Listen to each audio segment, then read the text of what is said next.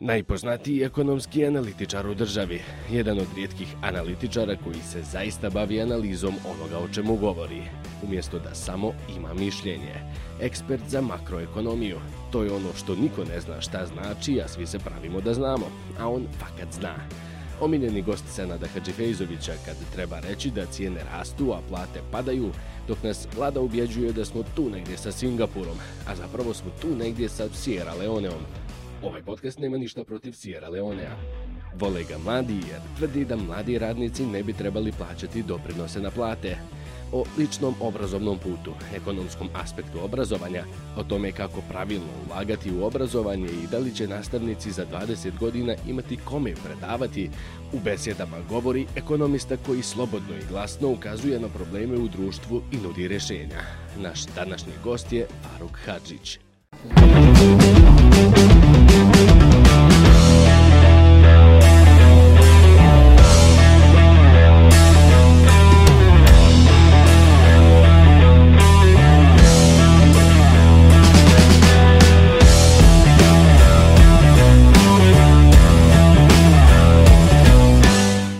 Dobar dan, dobrodošli u još jednu besedu o obrazovanju, naravno u svom uh, punom i jedino smislenom kapacitetu kad sam i ja tu. Kolega Namir Ibrahimović. O, dobar dan, naravno i od mene. Ovo već računamo koja je epizoda treće sezone i naravno ovo epizoda u kojoj opet Nedim Krajišnik sa nama, samo smo jednom bili bez njega u ovom trenutku i uvijek ćemo to da pamtimo, a makar porekad spovedemo.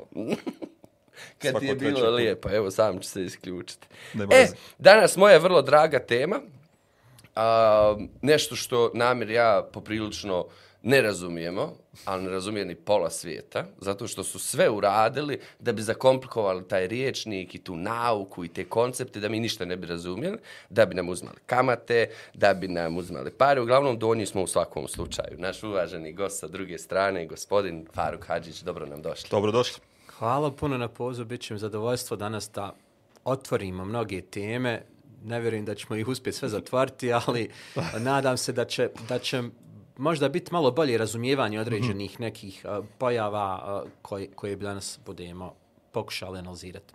Da vas najavimo kao analitičara, to, to već ljudi preziru, jer ste vi mnogo, u stvari ako ste analit, onda ste ozbiljan analitičar, za razliku od, od, od neki, ali ste mnogo što šta. Iza vas stoji ozbiljan, ozbiljno izdavaštvo, a, ozbiljan akademski put i za one koji nisu znali, profesor ste na SST-u u Sarajevu.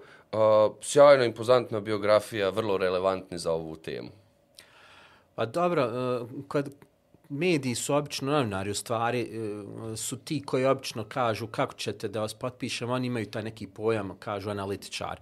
Dobro, mislim, kako god hoće da potpišu, ali u, u principu uh, nije bitno ni kako će neko nekog i potpisati, bitno je šta je u stvari produkt toga. Uh, o, čemu, o čemu mi govorimo, ima li to smisla ili ne, da li, da li lupamo gluposti ili, ili govorimo nešto što je zaista smisleno i, i u stvari to je bitno, to je suština, da otvaramo procese, da, da pokušavamo ukazati na određene probleme u društvu, izazove s kojima se suočavamo, ali ne samo da se uh, završi na tome, to je problem.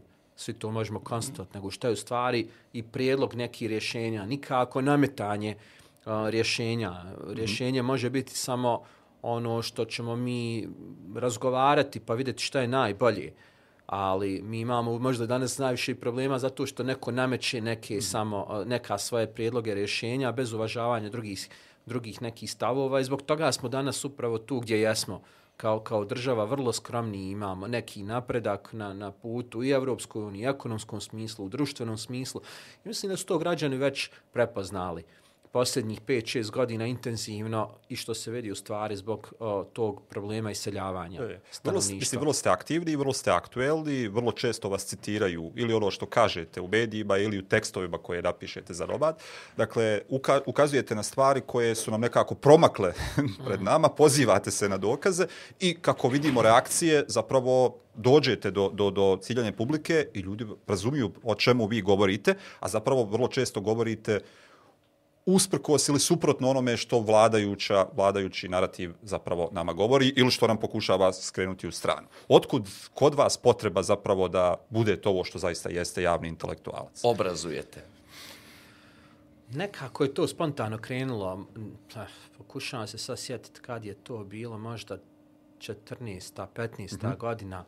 Uh, ne znam, nije ja iskreno sam kako je nije bila mi intencija s moje strane mm namjera, ali neko od novinara došao, eto, možete li nešto prokomentarsati na neku tim koja je opet bila možda naj, najbliže onome uh, Mhm, čime ste se mom, bavili. čime se bavim u stvari, što sam najviše studirao, međutim, um, malo sad to ide i dalje. Uh, iako je moja najveća u ovom, naravno, ekonomskom smislu ljubav, makroekonomija, ekonomska politika, uh, zato sam se školovao, vrlo malo je prilike inače bilo da, da možete u svojoj direktnoj struci raditi da se baš bavite tim nekim određenim određenim problemima i onda morate naravno ne morate nego ovaj idete i, i radite i, i posao koji mm -hmm koji možda niste do kraja se školovali, ali opet je to dobro što ste proširili svoje znanje, e, praktično znanje u privredi i, i onda kada imate jedno teoretsko znanje koje ste dugo godina izučavali kroz sami studij i, i onda praktično neko drugo mikroekonomsko znanje, imate jednu širinu da možete mnogo toga reći. I uh, nekako je na taj način krenulo sa samim novinarima, um, pa onda više sam to na početku shvatao, ok, dao sam neki komentar i to, To je to. to. to je to. Međutim, kada sam kasnije vidio da stvarno to ima smisla kod ljudi, da, da oni žele da to još više uh, saznaju o nekim tim pričama, temama koje, koje sam, eto, nešto mm -hmm. kratko kazao na televiziji.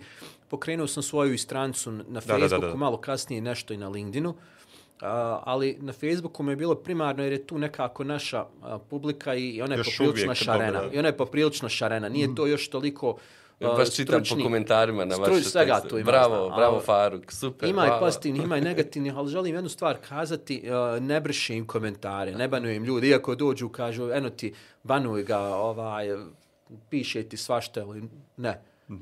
Jer onda drugi to prepoznaju, pa mu drugi sami odgovore, možda je Možda je Izazove reakciju drugih. Zašto bi, zašto, bi, zašto bi nekog, osim, pazite, bilo je par slučaja gdje je baš bilo uvreda na nečiji račun i to stoji u mom nekom i onom, uh, opisu strance, da apsolutno tu zadržavam pravo ako baš neko vrijeđa, govori ružne riječi. Govor mržnje, Govor mržnje, znači tako. to je nešto sasvim drugo, ali ako se neko ne slaže sa mnom, aps- zašto bi ja nekoga blokirao ovaj, ili, ili, Mi ili, ispred beseda brišemo. Ko se ne slaže s nama, izbrišemo mu komentar. Super.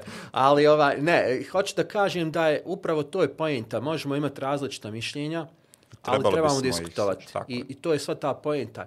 Nakon toga vidio sam da su da ljudi to prepoznaju, da žele, ali ne samo neki komentar da ja stavim prilog s nekog s neke televizije što sam bio nego ljudi jednostavno žele da, da, da pročitaju neki autentični stvarni komentar. Da, da. I ono što je, recimo, vaša karakteristika, u smislu vi nađete podatak, uzmete, koji su svima vama dostupni i objasnite zašto je taj podatak važan za društvo.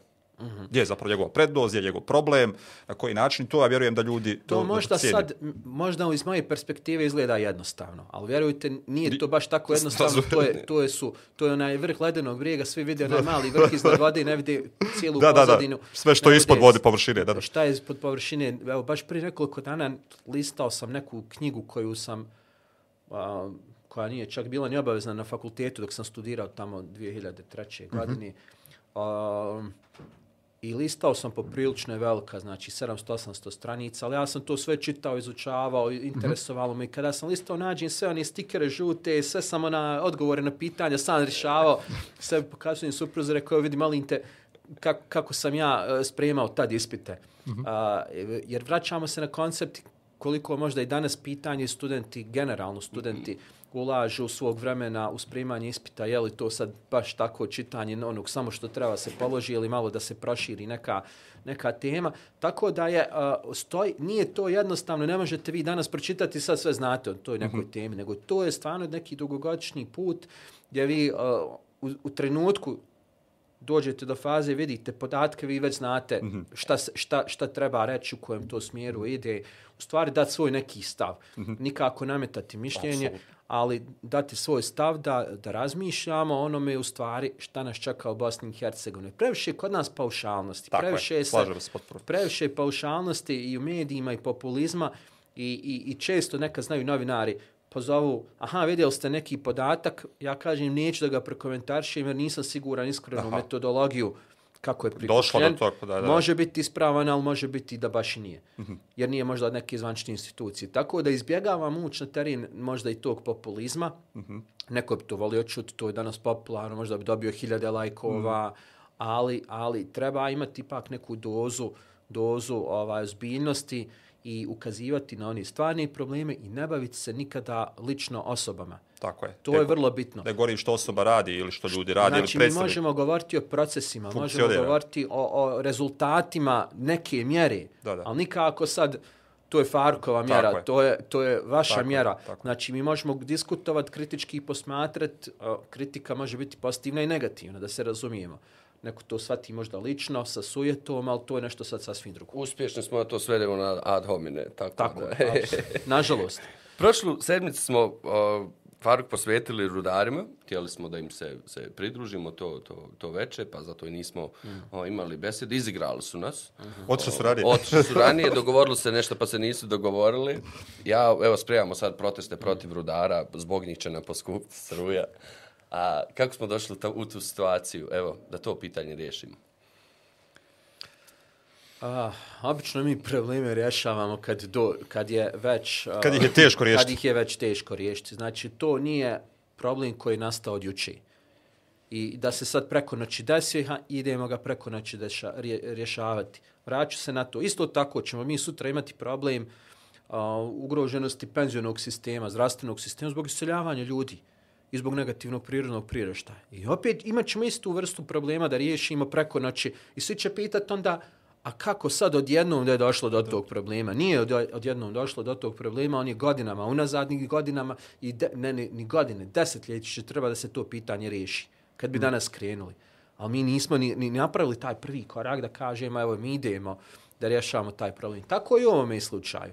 Znači, vrlo je složen a, problem zašto smo doveli a, sektor, kako to kažu, rudarstva, vađenje ruda u ovu situaciju. Više je tu faktora. Prvo, um, ti sektori nemaju osnovne uslove za, za, za povećanje produktivnosti. Kada imate vrlo nisku produktivnost, ne možete onda očekivati da, da, će, da ćete generisati neke posebne prihode. Onda imate, uh, koliko sam vidio, problem što, što je cijena i uglja relativno niska. Znači, sad ostavimo po strani ekološki aspekt. Da, A, razumem. može, I o njem ćemo govoriti, ali sad se samo fokusiramo na taj dio. I onda svjesno uh, rudnike uvlačite u minuse. Jedna analiza koju sam radio uh, za Transparency, upravo za sektor rudarstva, je pokazala da je taj sektor u vrlo kritičnom stanju, u ekonomskom stanju. Imate rudnika koji ne mogu iz svojih prihoda pokriti plate. Hmm. Znači, samo plate nisu u stanju pokriti od onoga što dobiju kao prihod. I kako vi sad onda očekujete da će on uložiti u investicije, u bolju opremu, u napređenje rada i do, dolazite ili recimo repromaterijal, ili bilo šta drugo što je potrebno za normalno funkcionisanje. Rudnici su napravili u pet godina gubitak, no, dodatni gubitak, 360 miliona maraka. I ko će to platiti? Pa mi građani. Da. Jer ko je vlasnik rudnika? Država.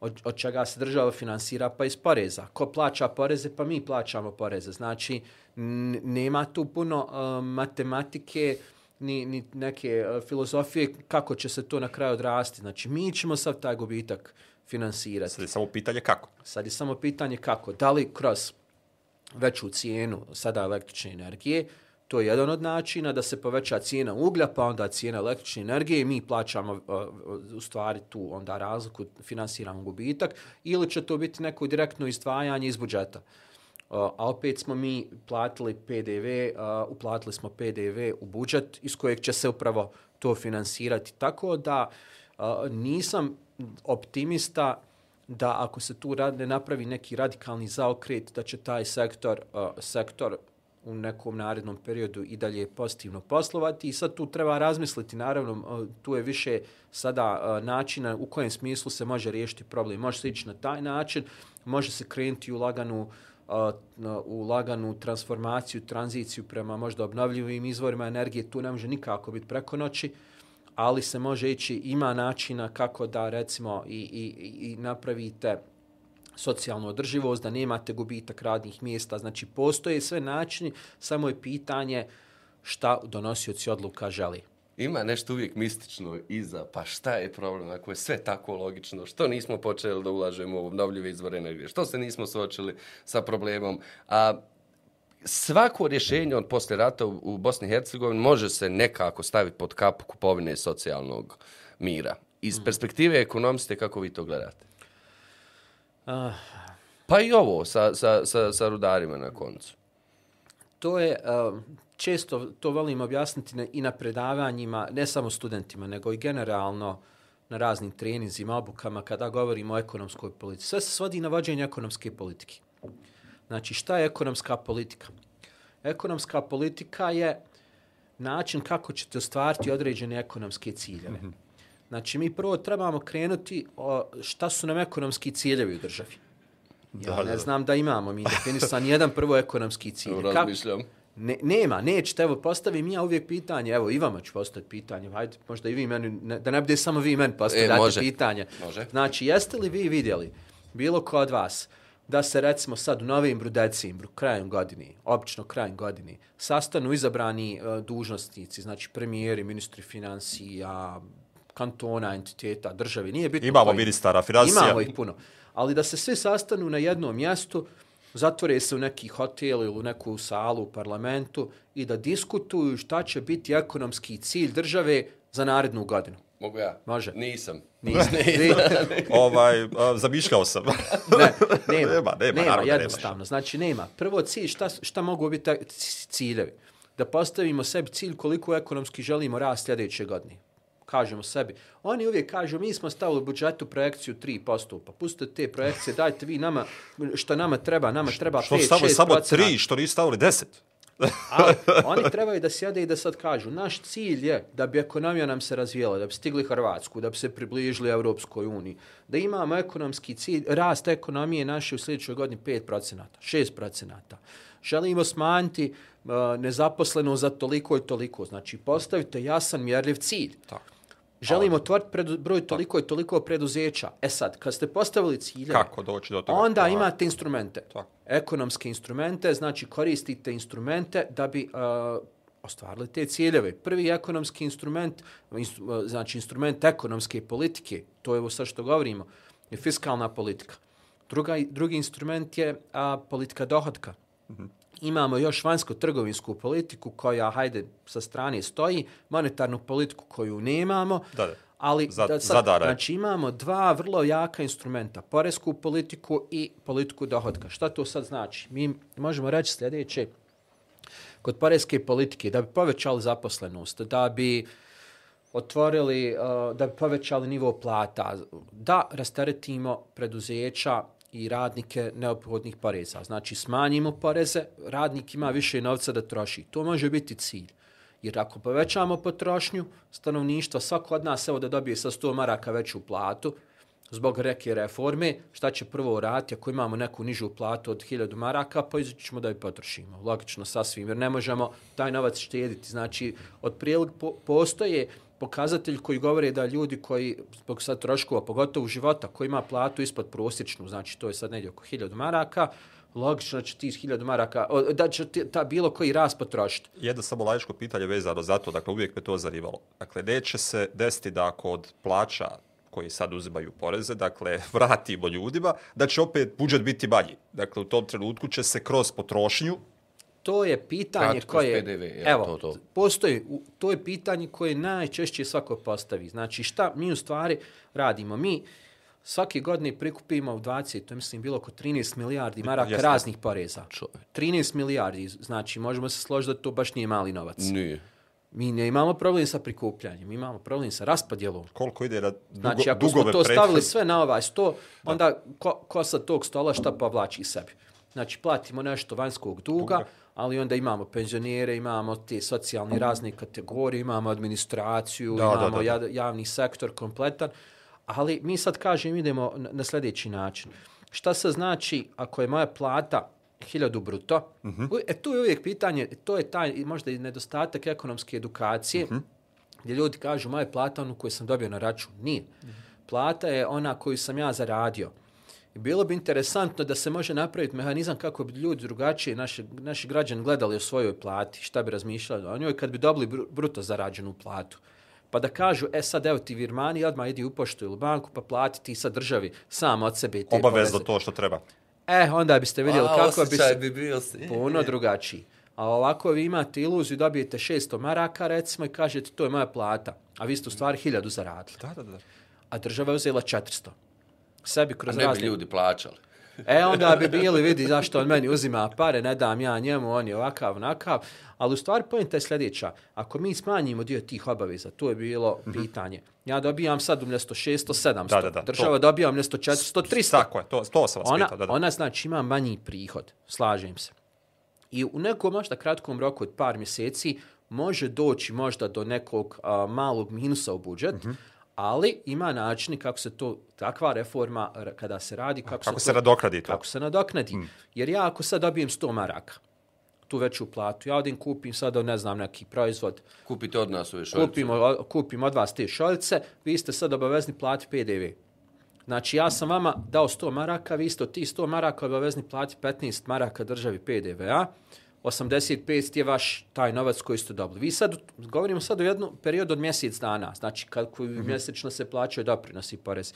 Vi sad s tih 85 maraka idete dalje u neku drugu radnju, Da, pa da. nekom nešto dalje plaćate.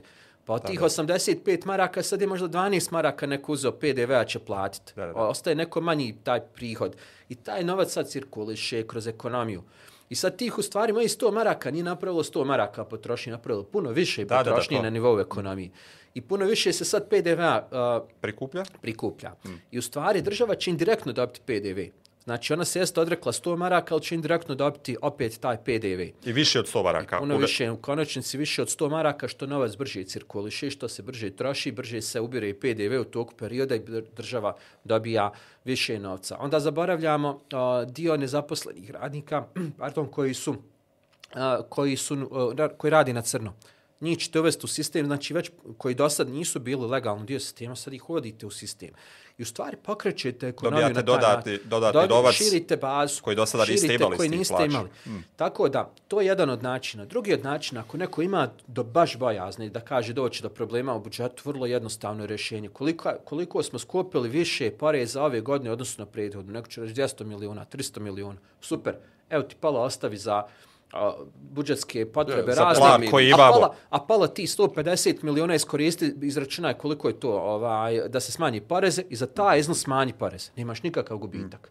Znači, postoji načini kako se može riješiti problem, međutim, mi uvijek idemo, a pa, znaš, dobio sam pare, hajde da ja to ipak povećam ovima plate, izborna je godina, da povećam ovima neke druge izdatke. Ali da li to i mnogo vrtimo se u znači sad, ako pređeš taj neki psihološki prag, a, dakle, ako imaš ma, male pare, malu platu, to što dobiješ novi sredstava, naravno da ćeš potrošiti, jer koncept štednje ne možeš štediti kad nemaš para, dok je to u ovom drugom slučaju ide na štednju, ne ide nazad u ekonomiju, je li tako? Dakle, na velike plate i tako dalje. E, super, odlično pitanje. Znači, mi ne možemo bilo koju mjeru donositi bez analitičke podloge. Hmm. Znači, ne smijemo ulaziti sad u tu zonu paušalnosti i populizma. Uh, nije slučajno ovaj naveden koncept zbog čega. Znači, ako mi sad uzmemo strukturu, u državi imamo okvirno, ajde uzet ćemo 830.000 radnika. Mi imamo podatke poreznih uprava na koje su oni plate prijavljeni. Znači imamo egzaktne podatke, tačno. možemo ih po razredima svrstati. Od recimo, znači ne možemo do nula, idemo od recimo od 400 do 600 maraka, može biti jedan razred, pa 600, 700, 700, 800 i tako dalje. I mi napravimo sad klasičnu analizu, vidimo u kojem platnom razredu koliko imamo radnika. Nedavno, mislim, premijer govorio federacije, 51% radnika radi do 700 ili 800 maraka plata. 800 je čini mi se Znači, pola, e, to je odličan podatak. Zato što pokazuje da pola radnika radi tu platu do 800 maraka. I vi automatski znate da radniku kojem date takvom radniku 100 maraka, on će potrošiti taj novac. Znači, u startu znate da će pola radnika potrošiti novac. Vratiti taj novac. Vratiti novac u sistem. Ko može štediti? Mogu štediti oni koji Namir, imaju preko, imaju 200, pare. preko 2000 maraka, ali su i to rekli da je tih vrlo mali broj, o nekih 4% svih zaposlenih. Tako da, evo, mogu ja, možda možete vi, nije Ne, bitno. ne, ja ne mogu namjeri, vi to... Eto, Ova, ali čovjek pomislio ako gleda besedu da je to zaista tako. ali, ali pitanje je ne, da li će neko, i, i kad dobije taj Jasno. novac i sa većom platom, to je sklonost potrošnji. Kako će ko trošiti novac? Ali kad imate rast cijena, znači toliko, kad imate inflaciju danas u državi, pa vi ne možete za 100 maraka kupiti isto kao prošle godine. Tako je. I, o, I to je cijela logika da se pokrene jedan ciklus potrošnje u ekonomiji koji će dovesti onda upravo do veće produktivnosti radnika. Radnik koji je bolje plaćen je zadovoljniji radnik, produktivniji je radnik, imat ćete bolju vanjsku konkurentnost na taj način, jer možete možda proizvoditi više proizvoda po nižim troškovima. Ima tu više aspekata koje se otvara. Međutim, mi nekako idemo uvijek onom linijom, dobro, evo ako ja odmah danas smanjim te poreze, ja moram sad uvesti pet novih poreza da to nadoknadim, da nemam nijednog dana minus u budžetu, što je velika greška. Na taj način nećemo ništa napraviti. Šta mi znači da mi sad stavi, da mi kroz manji porez 100 maraka, A a odmah onda kod mi druge poreze. pet poreza i kaže, e sad ti uzmam ti 100, šta sam dobio, nisam ništa dobio. Tako da to ovaj, na taj način treba reforme koje se radi, trebaju stimulativne po građane, jer oni su nosioci ekonomskog sistema. Zašto imam osjećaj kao građanin, evo, koji je, o, imam neku baznu ekonomsku pismenost neki prethodni osnovni studija, zašto samo na jednom dođe tako jedan veliki, vrlo važan zakon kao što je u, u federaciji? Za, za, jel, jel, jel, jel to moment u kojem neko želi da sakrije nešto, svoju ili nekompetenciju ili neku agendu koju, eto, ja ne, ne razumijem i zašto se odbija da ovo bude predmet javne rasprave? Pa, a, to su zakoni... Jer ste vi bili vrlo agresivni, evo, oprostite mi na ovom terminu, ali ste, ali ste u tom periodu svakodnevno objavljivali š- koje su posljedice jednog takvog zakona, gotovo nepromišljenog. Prvo, ti zakoni su pisani negdje, koliko se ja sjećam, 2016. godine. Uh, o njima se počelo razgovarati 14. Znači, nekad kad je krenula reformska agenda. I uh, oni su pisani u vrijeme kada su možda odgovarali tom vremenu u Federaciji BiH, znači to tada je prošlo pet godina. U međuvremenu sa svojim kolegom mi smo počeli 2017. godine, a objavili smo to i kroz knjigu, jedno istraživanje, radili smo baš tu jednu nova ekonomska politika. Mi smo napravili naš koncept koji smo tad izašli, znači u 2018. godini. Naš je, naša ideja je bila da se doprinosi trebaju smanjiti na 25% bruto plate, da se mogu topli obrok i prijevoz ugraditi u, u, u platu, jer nekoga dobije, neko ne. To da. je bila logika cijele pozadine, jer bilo je tu svakakvih manipulacija da se zaista zaštiti da svaki radnik dobije to neko primanje i da minimalna plata bude 750 maraka, u stvari to bi bio neki kao i lijep broj koji smo mi matematički pokazali da je moguće. 750 plus 250 obaveze. I to bi bila Hiljada 1000 maraka. bruto, minimalna plata. I išli smo korak dalje. Da se ne bi otvorio prostor za manipulacije koji sada čujete, kažu, ako smanjimo doprinose, slažem se, otvara se prostor poslodavcima da oni povećaju plate radnika. To je greška. Nemojte vi otvarati prostor da neko da, Mogu neko će dat, odrediti. neko će dat, ali neko neće. Ali vi kada svima definišete ugovore da su bruto plate, plate koje robija radnik, na koju, ko, za koju radi, I koja je minimalna. i koja je minimalna. I kada vi automatski snizite doprinose, pa nema poslodavcu se što otvarati prostor, on automatski, u stvari on se ne može tu ni pitat ništa, hoće li povećati platu, Ako će neće. da radi, mora poštovati pravila. Znači on će reći, aha, ako sada je bruto moja minimalna plata, 1000, 1000 je bruto. Ja automatski sad, znači, s te plate da e, se 400 maraka odvaja državi. Ako bi sad išli na ovu varijantu 225%, meni automatski se povećava plata, znači ne može poslodavac na nju utjecati. Znači moće se plata automatski povećati na 750 maraka neto po tom mehanizmu. I ne treba ostavljati taj prostor za poslodavce da hoće li ili neće, pa da se tu još otvara uh, nekih drugih a, mogućnosti, nego jednostavno tako radite. Mi smo izašli sa tim prijedlogom i da se hiljada maraka ne oporezuje. Prvi hiljadu maraka da se ne oporezuje sa porezom na dohodak. Dohodak za lični. Porez, lo, porez na, to, je, to je neki osnovni minimalni iznos koji je potreban da... da uh, Bilo kakav život. Za bilo kakav život. Pa vidite, meni je absurdno.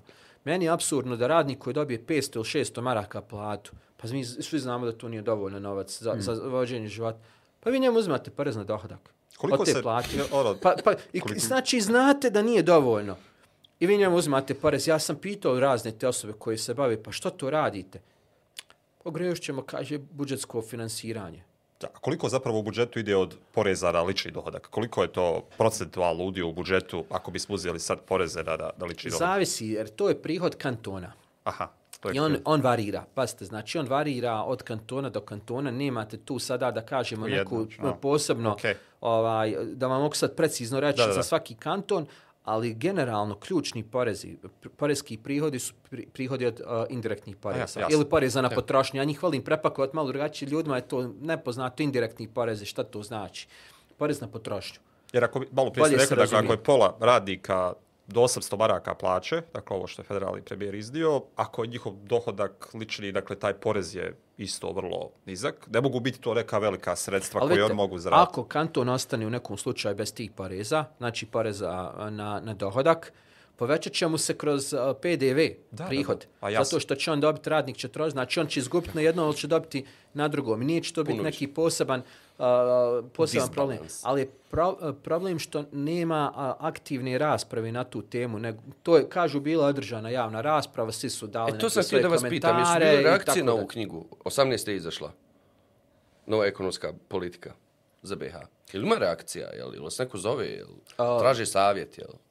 Um, postoji, ima, ne mogu reći da nema, znači postoji e, dio izabranih zastupnika, oni u, različitim, no, uglavnom su to iz opozicije, znači koji nisu na vlasti, oni vole saslušati. Znači, vole pozvati, konsultovati se, ne mora se to javno, mislim, ni objavljivati, dobro, to uopšte ni bitno. Ali postoji stvarno interes da se u nekim stvarima razgovara. Ali s druge strane imate neki koji kažu ima to smisla, a koji donose odluke što pričate, ali mi ćemo to u startu odbiti. Nećemo uopšte razmi- razgovarati na tu temu, jer ako vaš uvažimo, onda će mi doći drugi da, me, da mi kažu a što si njegovo uvažio, što niješ moje, sad imam ja neke prijedloge, ali to je meni, ja jednostavno ne mogu da Zapravo, shvatim to je takav jedan, infantilno. E. ja ne mogu da shvatim jedan takav koncept, da, da uopšte se mogu na taj način a, donositi odluke. I a, puno sujete ima. Mm -hmm. Znači, jako puno sujete u tim nekim krugovima koji, koji jednostavno uh, odbiće prijedlog samo zato što sam ga ja predložio, vi ga predložili, jer, jer ne može se, uh, to će biti kao udar na njegovu ličnost, na sujetu, da je nečiji prijedlog uh, bolji. A mi ćemo ovako da fino srljamo u propast. Najbolji vam je primjer prošle godine kad je krenula pandemija. Kad je uh, bila uh, priča oko pomoći, sjećate se, privredi građanima, mm -hmm. puno je otkaza bilo u federaciji. Mi smo dobili onaj veliki uh, kredit od MMF-a. Federacija je dobila okvirno tu oko 400 milijuna maraka. Znači, toliko je leglo u, u budžetu. Dobro, da, da. E sad, mi smo odmah kazali, vrlo jednostavna matematika, uzmete 400 milijuna, podijelite na broj prvo mjeseci, koliko želite pomoći nekome, koji iznos želite da se finansira. Dobijete broj radnika koji može da pomoć. Vrlo jednostavno. Znači, opera, matematička operacija osnovne škole. Da. Ništa komplikovano, ne treba vam nikakav analitički sad poseban tim, alati, met, ovaj, modeli da razvijate. Nego kažete, imamo toliko para, pomoćemo toliko osoba. Mi smo izašli, nas grupa jedne ekonomiste, kazali smo da se pomogne, upravo znajući koliko, su, koliko radnika imamo u federaciji. Znači, vrlo na osnovu pravi zvančnih podataka.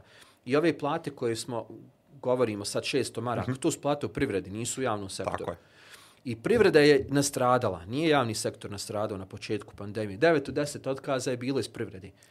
I sad, vrlo jednostavno je bila matematika. Dajte 800 maraka pomoći po radniku. 400 za doprinose, 400 za neto platu. I to je ta plata 1000 bruto.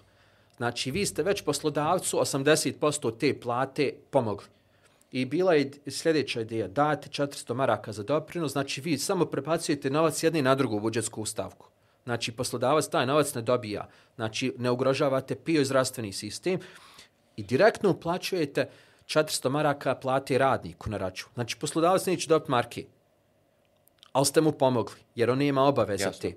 I poslodavac će on svaki imati onda još mogućnost bar tih još 200 maraka da pomogne. Znači, mm. svom radniku da isplati platu. Međutim, i to je bila logika. Ako ćemo ići na ako ćemo ići na a, šest mjeseci, mogli smo na taj način pomoć oko 83.000 radnika u federaciji, a ako ćemo ići na tri mjeseca, mogli smo pomoći oko 166.000 radnika. Pazite, to nije nimalo uh, malo novac koji bi direktno pomogao radniku. Znate što smo dobili? To je sve odbijeno jer je neko Krpljenje drugi rezervi, nije nego je neko drugi predložio da se onih 200 koliko 20 maraka samo pomogne i dio za doprinosa i neko je mi smo govorili pa ljudi to nije dovoljno dajte pomozite. Ne to je ta osoba neću sad imena od koja je Znate, ne smijemo mi toj osobi spomenuti, to bi bio problem ako bi mi sad toj osobi rekli, znaš, da je neko drugi bolji prijedlog. Iza... E, to smo mi. Znači, mi smo taoci takvih stvari, ja jednostavno nisam mogao vjerovati, upao sam glavom zid, zar zaista stvarno, stojimo... Desetine hiljada ljudi ugroženi bili Ugroženi. tom odlukom. Zbog sujete. Zbog sujeti. I šta smo dobili? Za 50 dana smo izgubili 26.800 radnika u federaciji. Za 50 dana mi još se nismo vratili na to predkovid stanje. Znači, mi evo gotovo dvije godine ovaj se još o, uvijek A prihodi rastu. rastu. Koji prihodi imate, e, nemojte zaboraviti e, da jednim dijelom je došlo do veće potražnje na tržištima Europske unije. Mm Mhm. -hmm. Znači, ne zbog naših nekih mjera što smo mi pomogli privredi, nego jednostavno imaju... Što se nalazimo tu gdje jesmo. Ne mogu, ne, mogu, ne mogu doći do proizvoda iz Kine, do sirovina Mhm. iz Kine, iz Azije, zbog ove pandemije lanci, a, ponde su popucali potpuno. A, Onda gdje traže prirodno, gdje im je najbliže. Njemci traže na tržištu Balkana. A, Europska unija upravo se sada ovdje pozicionirala, ok, plaće malo skuplje, ali će dobiti u roku od dana Da, da, da. sirovinu. Vrlo jednostavno. I nama jeste skočio izvoz za 30% u Europsku uniju. Imamo stvarno rekordni izvoz, ali to je zbog jače potražnje na tržištima Europske unije. I šta izvozimo? Sirovine, materijale i poluproizvode. Na tom smo zasnovali ra, e, naš rast. Sve ok, ali gdje je naša ekonomska diplomatija? Fabrike koje se sele iz Azije, da, zašto se ne presele ovdje? Pa da kažu, ok, nećemo izvoziti tu polu, taj neki poluproizvod, No, čit- izvešćemo čitavi proizvod, kompletni proizvod. Znači imamo sve i pozitivno i negativno.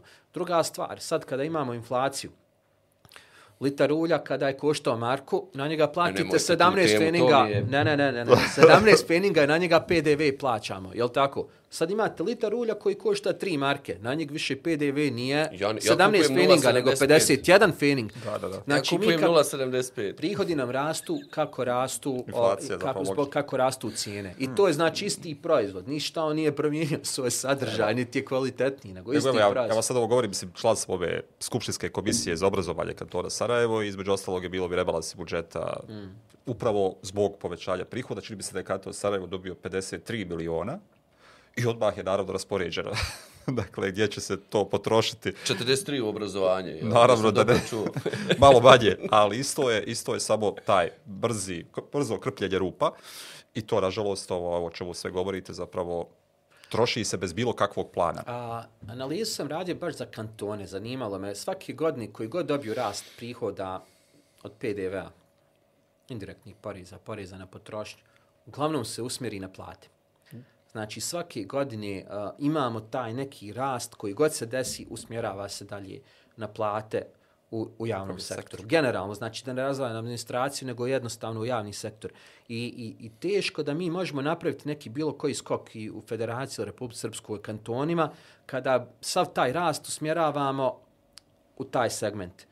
Umjesto da usmjeravamo malo više u istraživanje, u razvoju, u inovacije, u povećanje znanja, znači na ono na čemu možemo zasnivati naš du- dugoročni ekonomski rast. Međutim, toga nema. E, tu smo.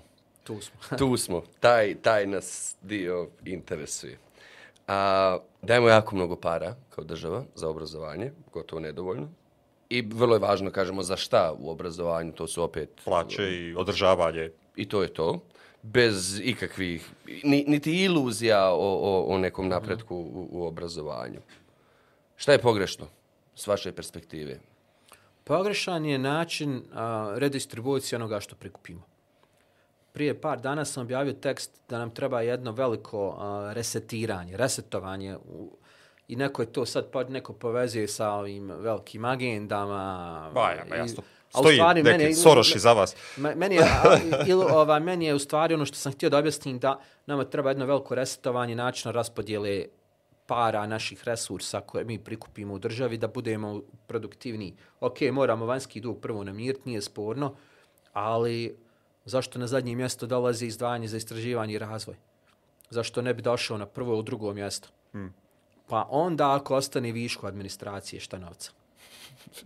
Pa ne, mi smo Razumijem. taoci toga. Da, da, da. Nemojte me pogrešno shvatiti. Mi pa smo taoci toga. Spomenuli smo na početku rudare.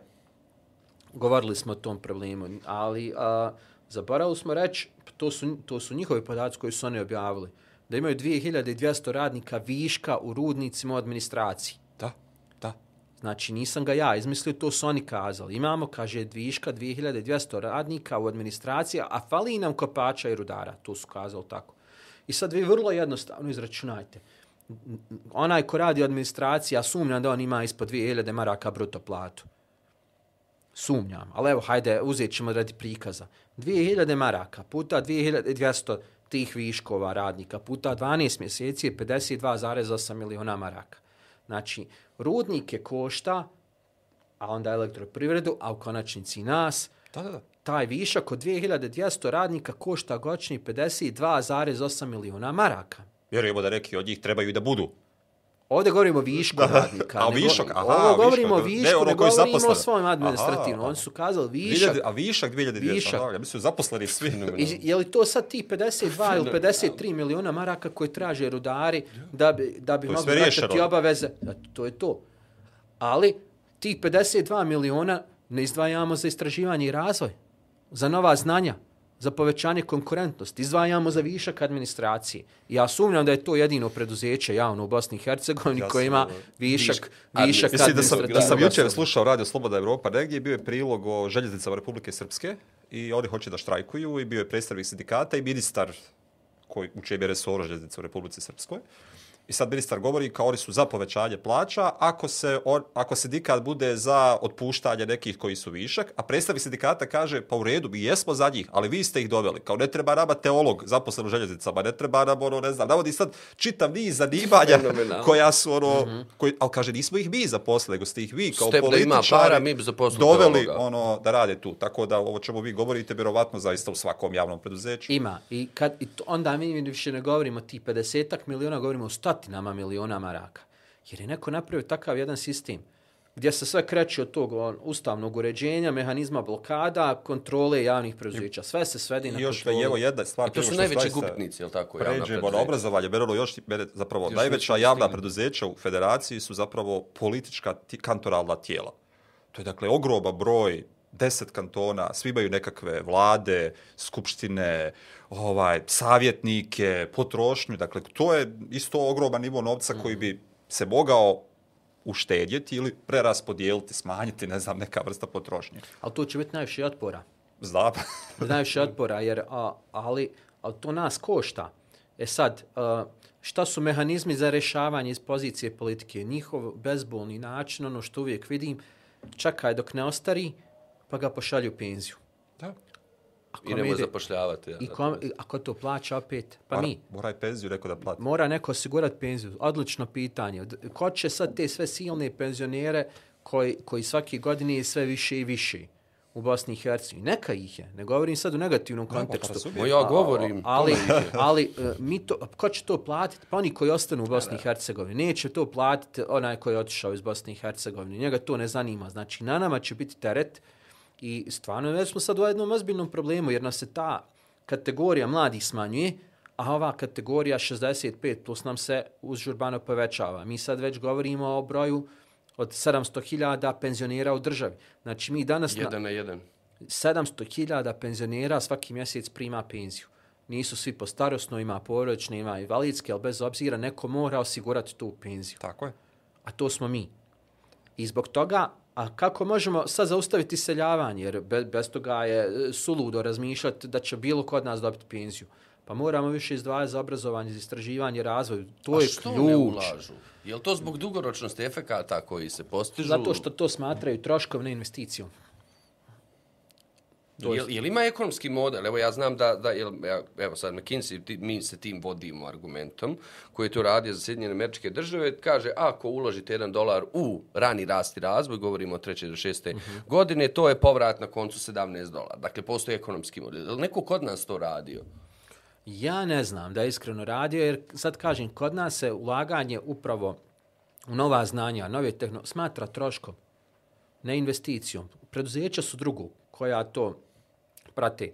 Ali gdje ste vi vidjeli sada da, je, da su to nosioci odluka donijeli, ne znam, kazali odluku nećemo izdvajati 0,2% kako sad izdvajamo BDP-a za istraživanje i razvoj, nego ćemo dignuti na 1%. Ja nisam to vidio, ni- niti to njima u agenti, nego to je ono šta ostani, ako šta ostani, ostani za istraživanje i razvoj. Kako ćemo mi biti konkurentni? Kako ćemo, kako ćemo, pa koje se kod nas inovacije stvaraju? Pa nema inovacija, kod nas su imitacije, ako se nešto imitira. Da, da, da. Uh, koliko mladih jedva čeka da napusti državu? Pa niko kod nas uh, nije se zapitao da li, će nek, da li smo izgubili sad nekog genijalca koji će sad nešto patentirati u Njemačkoj ili nekoj drugoj zemlji, razvijati u stvari njemačku ekonomiju na taj način. Uopšte, baš nas briga, hajde, kaže, nek se ide i uvijek se išlo. E to je Koji taj može. način koji moramo malo i u našim glavama Tako resetovati. I da shvatimo da je u stvari ljudski kapital je uh, nenadoknadljivi kapital. Da, Uh, da. uvijek što čujem i od naših ljudi iz dijaspore kažu ok, mi imamo novac da ulažemo, ma ne treba nam novac. Mi novca imamo na svakom čošku, ćemo ga naći, naćemo ga, to je najmanji problem danas naći novac. Nama je problem ljudi. Ko će danas, evo, kupit ćemo sad tramvaj će nam doći novi. Jel tako u Sarajevo? Trolejbusi najavljuju Da. se. I nije bitno, u svaki grad uložit ćemo, investirat ćemo. A ko će ih voziti? Tako je, tako je. Otiće da ko će da... Ko će ih servisirati. Ko će ih i sve servisirat, dalje. ko će, to je, to je problem. I jer- što nismo na koncu napravili svoje tramvaje? Pa mogli smo i Pa to. mogli smo. Tako, mogli smo i to. Ako smo i prije rata imali takav jak istraživački centar poput Ovdje, Energoinvesta, da, zašto ne sad? ovdje, dakle, evo, rekli ste da nemamo ekonomsku politiku, složit ćemo se da nemamo ni obrazovnu politiku, da ne idemo dalje. Jedna od ovih stvari kojima se također govorilo na početku o rješavanju problema. Dakle, mi suočimo sa nekim problemom, mi sad, svi koji se bave time, trebaju sjesti i razgovarati o tome. A, meni se čini nekako da je to zapravo problem obrazovanja. Mi unutar škole, nažalost, ne učimo djecu sistemski kako da rješavaju problem. Dakle, kako da vide problem, da ga prepoznaju, kako da prepoznaju ono koji su pomoćna sredstva ono koja će i dovesti do samog rješavanja i da riješe problem, da vide da je to moguće, dakle da se stvari. E sad, a, postoji li, je li jedini odgovor pomoć ekonomije u smislu da ćemo mi dati nastavnicima novac ili zapravo su tu neki drugi koraci po vama koji bi trebalo napraviti da bismo imali svrhovitije obrazovanje? Po- e, moraju se i a, institucije koje se bave obrazovanjem također transformisati. Mi, mi smo recimo na SSST-u pokrenuli koncept univerziteta 4.0. Eto. Šta je u stvari to 4.0? Pratimo kao tu četvrtu industrijsku revoluciju, ako smo mi možda još u drugoj. Preskočili ste Nismo- treću. Nismo ni treću došli, ali, ali, ali koncept je sljedeći. Kažu, a kakva je to sad razlika, ne znam, univerziteta 1.0 i 4.0? I onda mi to pokušamo na sljedeći način objasniti. Univerzitetu 1.0 imate profesora koji dođe u pun amfiteatar studenta, priča svima istu priču i svi klimaju glavom, pokušaju to usvojiti. To je, to je koncept univerziteta 1.0. Koncept univerziteta je 4.0, gdje vi putem a, novih digitalnih alata, tehnologija, već unaprijed studentu omogućavate određeni nivo materije da dođe bare malo spremljen, malo na, spremljen na predavanje, vi mu o, ok, objasnite određene pojmove stvari i onda, onda ide kritički način rješavanja problema, diskusija. Ne, ne samo ja pričam šta je kamata, šta je e, GDP, šta je ovo, on to zapisuju sa slajda, nego mi u stvari pokušavamo riješiti neki problem. I to je Koji taj uključuje znanje koji i o- treba naravno. imati mu, naravno, Tako je, glava ne može se bez znanja, ali, ali to, to je taj drugačiji Razumijem. koncept koji se mora i na, na univerzitetima, u osnovnim srednjim školama, pa možda čak i prije u vrtićima, početi ugrađivati kod, kod naše djece, učenika, da oni uh, kritički razmišljaju kako riješiti problem, a ne možemo dobiti ne znam, grupu pitanja za test, pa da mi iz tih 100 pitanja znamo, eto 10 će biti, pa mi to samo učimo. Koja je svrha toga? Ništa. Samo da, Da. se dobije ocjene, da se Da pređe naredni nivo obrazovanja. I to je to. I to je to. Jer ako je onda date onda neko logičko pitanje, neće ga niko znati riješiti, iako je možda vrlo jednostavno. PISA je vrlo jasno to pokazala. Dakle, I to je taj koncept koji mi moramo mijenjati. Prvo mi moramo na osnovu o, nova znanja primjenjivati. Mi se prvo svi moramo edukovati. Svaki Tako dan je je. učenje. Cijelo životno, da? Cijelo životno učenje. Svaki dan ja nešto novo čitam, saznajem, e, čačkam, da vidimo koje su to nove metode, kako neko radi. Ali ako vi ste univerzitetski profesor, pa morate. Ali ako je neko diplomirao, dobio posao, što sada radi više? što da uči? Jer evo, evo, je vrlo, vrlo interesantno. profesor. Vidite sad, vrlo interesantno. Mi se nalazimo u vremenu gdje se odluke donose kod nas barem na osnovu zastarjelih podataka. Mm.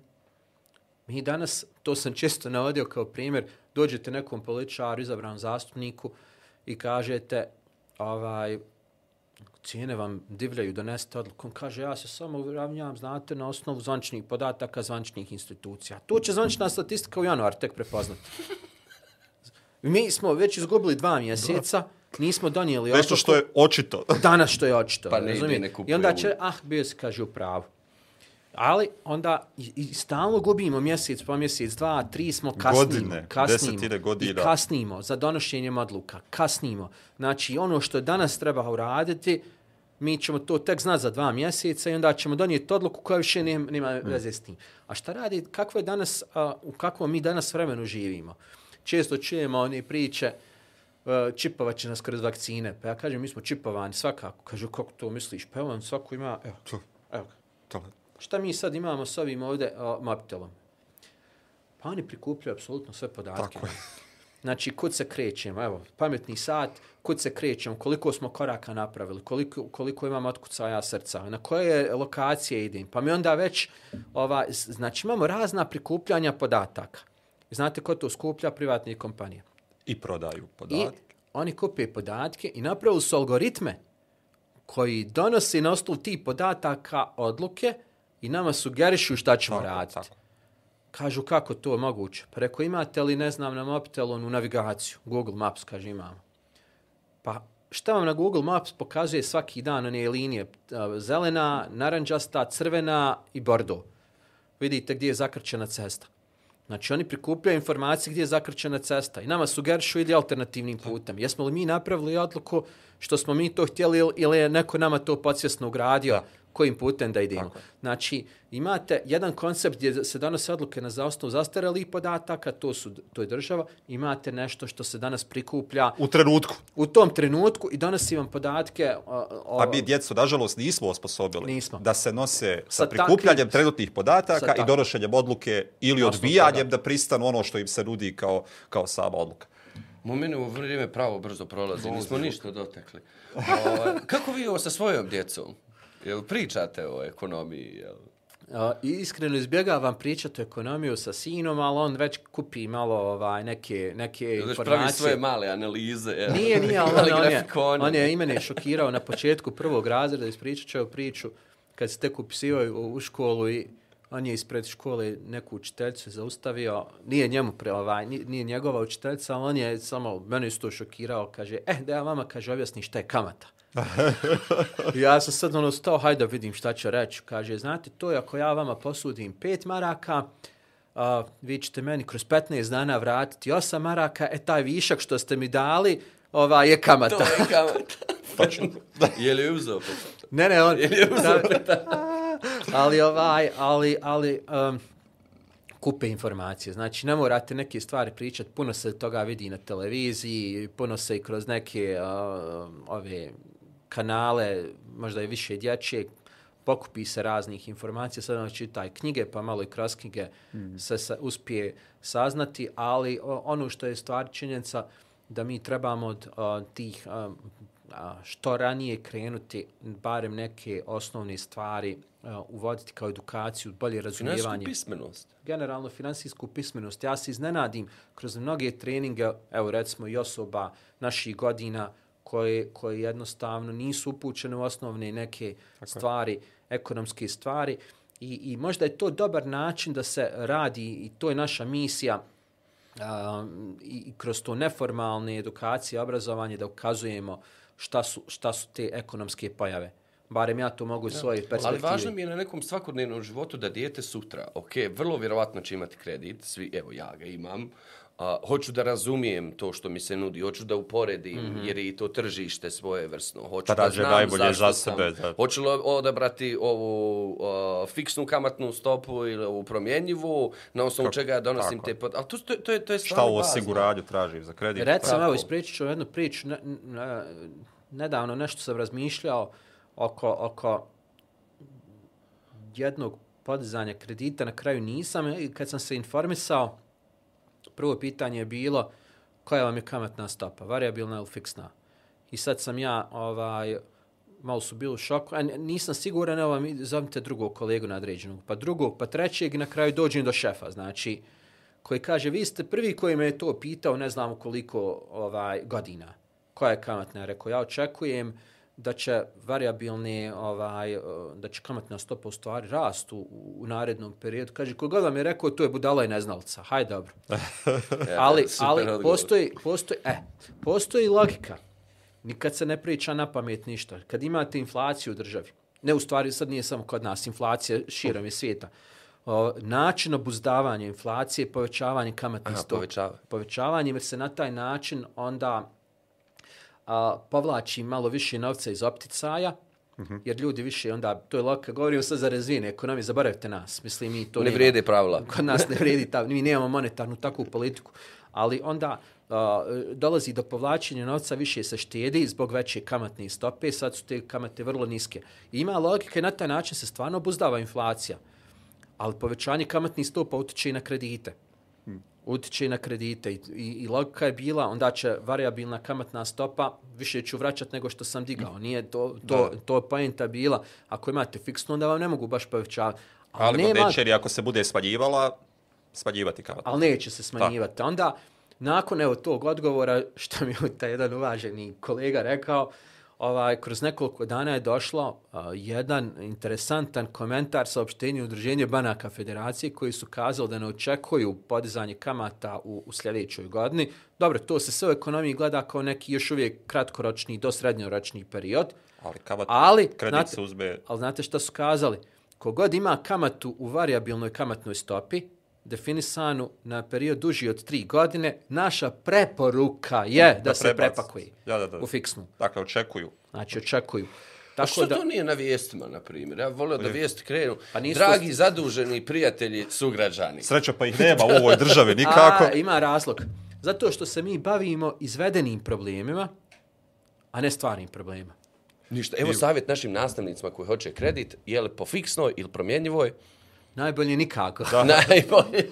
Ali evo, Ako mogu, ako mogu štediti, ali teško je suzdržati se od, od, od, od potrošnje. U stvari, štednja je samo prolongirana Ma Ovo je potrošnja. preživljavanje, nije Ali ovo je potrošnja. preživljavanje, ovo je mi ono, ovu treću sezonu ne završavamo kamatama i savjetima i kreditima i svim ostalim, nego ono u biti završavamo preporukama Mm. knjiga. Mi bismo voljeli da čujemo i od vas preporuke za publiku, za nas dvojicu, za bilo koga. Dakle, pravimo knjige, svoju biblioteku. knjige koje ste čitali, koje ste radije čitali, sad nedavno čitate, preporučujete, koje su utjecale na vas. I mi Evo, vam obećavamo da ćemo do kraja sezone pročitati. Ako možete dvije knjige i više, A, sad ste me malo ufatili. Ovo je najteže pitanje. da, Morali smo za kraj pripremiti, pa ne može sve jednostavno. I kako smo imali pitanja, nijedno nismo postavili. Čovječ. ima interesantnih Morate nam doći knjiga. opet. Ima interesantnih knjiga. Ja volim a, dosta i onak, onako je neformalnih knjiga pročitati puno. Sad iskreno da budem manje u zadnje vrijeme. ovaj, imam priliku da pročitam ali uvijek možete nekih opštih ekonomskih knjiga koje vas mogu uvesti u opštu tematiku, koje nisu toliko suhoparne, naporne, da, da nešto sad ulazite previše u ekonomiju, da, da vas na taj način umaraju. Ako baš neko hoće da sazna o, o ekonomiji uh, osnovne neke stvari, može uzeti recimo uh, ona je poprilično jednostavna i za studente da shvatite nije toliko suhoparna, možda ekonomija od Acemoglu-a, mm -hmm. ili Samuelson je klasik ekonomski, ali recimo od ovih nekih koji malo više ulaze u tu sferu, ne učbenika, uh, ja volim dosta čitati malo i geopolitike, iako se onda, ali ne ulazim u sistem geopolitike, ali volim pročitati takvih knjiga, ima vrlo interesantnih naslova i možda, možda što mogu pročitati, što me uh, ali dobro, to nije više, to je za vas početnike. Jedna knjiga a, nije toliko i ekonomska, ali evo preporučit ću je Rat na krovu svijeta. Mhm, super. Malo je geopolitička, ali je vrlo interesantna koja To je pokazuje, dio. koja pokazuje kako inače funkcionišu ta neka kretanja, u stvari sve na kraju utiče na ekonomiju. I kapital, I kao, kapital, za ne, ne, on, neobavezna literatura, nije za ispit. Ja. Pošto vidim da ste za lijevi forum radili ovaj... Za mnoge sam ja radio, za mnoge sam radio i razne studije i, i, i, i analize. Mi ćemo se da- svakako, mislim da možemo ono, računati na to da vas zovemo i za nastavnike kada budemo radili Mm. nešto od ovih edukacija vezanih za, za nastavnike, bit će nam zanimljivo da, da govorimo o... Obično te edukacije, nam. a, a, možemo onda s tim završiti. Obično a, nisam profil osobe koja će govoriti profesorskim jezikom. Koji će govoriti profesorskim jezikom, to je najlakše. Ja sam, mogu, mogu smo mi danas govoriti o pojmovima koje pola niko ne bi razumio šta su. Ali ono što je poenta, da treba pričati jednostavnim jezikom, da, da, da vi možete razumjeti tu neku određenu ekonomsku, ekonomsku pojavu. Šta u stvari znači ti porezi na potrošnju, koliko nam država uzima, kako se naša novac dijeli. I onda to ja volim, uh, e tu sam recimo ja dodatnu neformalnu edukaciju sam sebi, ovaj, uh, dok nisam to dobro izučio i specijalizirao se, recimo pravljenje infografika. Mm -hmm. To je nešto što je meni sad u stvari alat.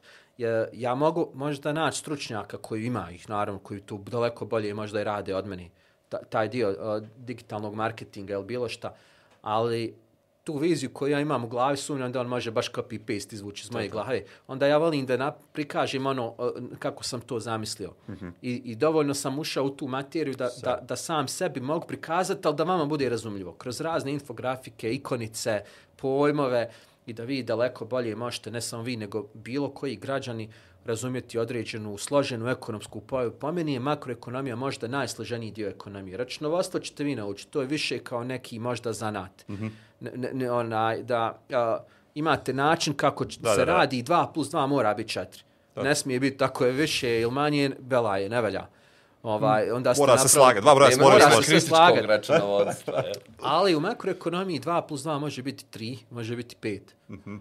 I vrlo Ovisi je šta složeno. se šta se traži planira. i, i vrlo je zaznuto ako vi sad u ovoj procjeni nekoj ili, ili nekom modelu kiksate pod navodnicima, kiksate, onda ugrožavate stotne hiljada ljudi. Ja, ali zapravo mi sad već ulazimo u područje vjerovatnoće, podataka koje koristimo, Ali evo kretanja sad i na svega pamet, ostalo. na pameti mi je da, da, da bi mogli zaista se potruditi da uradimo neke model za obrazovanje, mm -hmm. a evo, to je da i vi i mi razmišljamo. Evo, između ostalog, i ovo, Da. samo ikonografike su, ono, su To- sjajna to je stvar, sjajan a sjajan alat. jednostavno Ekonomske razumijete. modele za, Da, da, za, za da, naše sjajno. BH obrazovanje. Mhm. Propast nećemo. Ali spasa nam nema. Profesore, Hvala hvala vam. se da vam je bilo ugodno. Hvala vam, do neba što ste Hvala vam bili na besede. pozivu, bilo je vrlo interesantno. Hvala. I vidimo se opet. Obavezno. Hvala. Hvala gledateljicama i gledateljima i družimo se opet za sedam dana. Tako je. Ćao.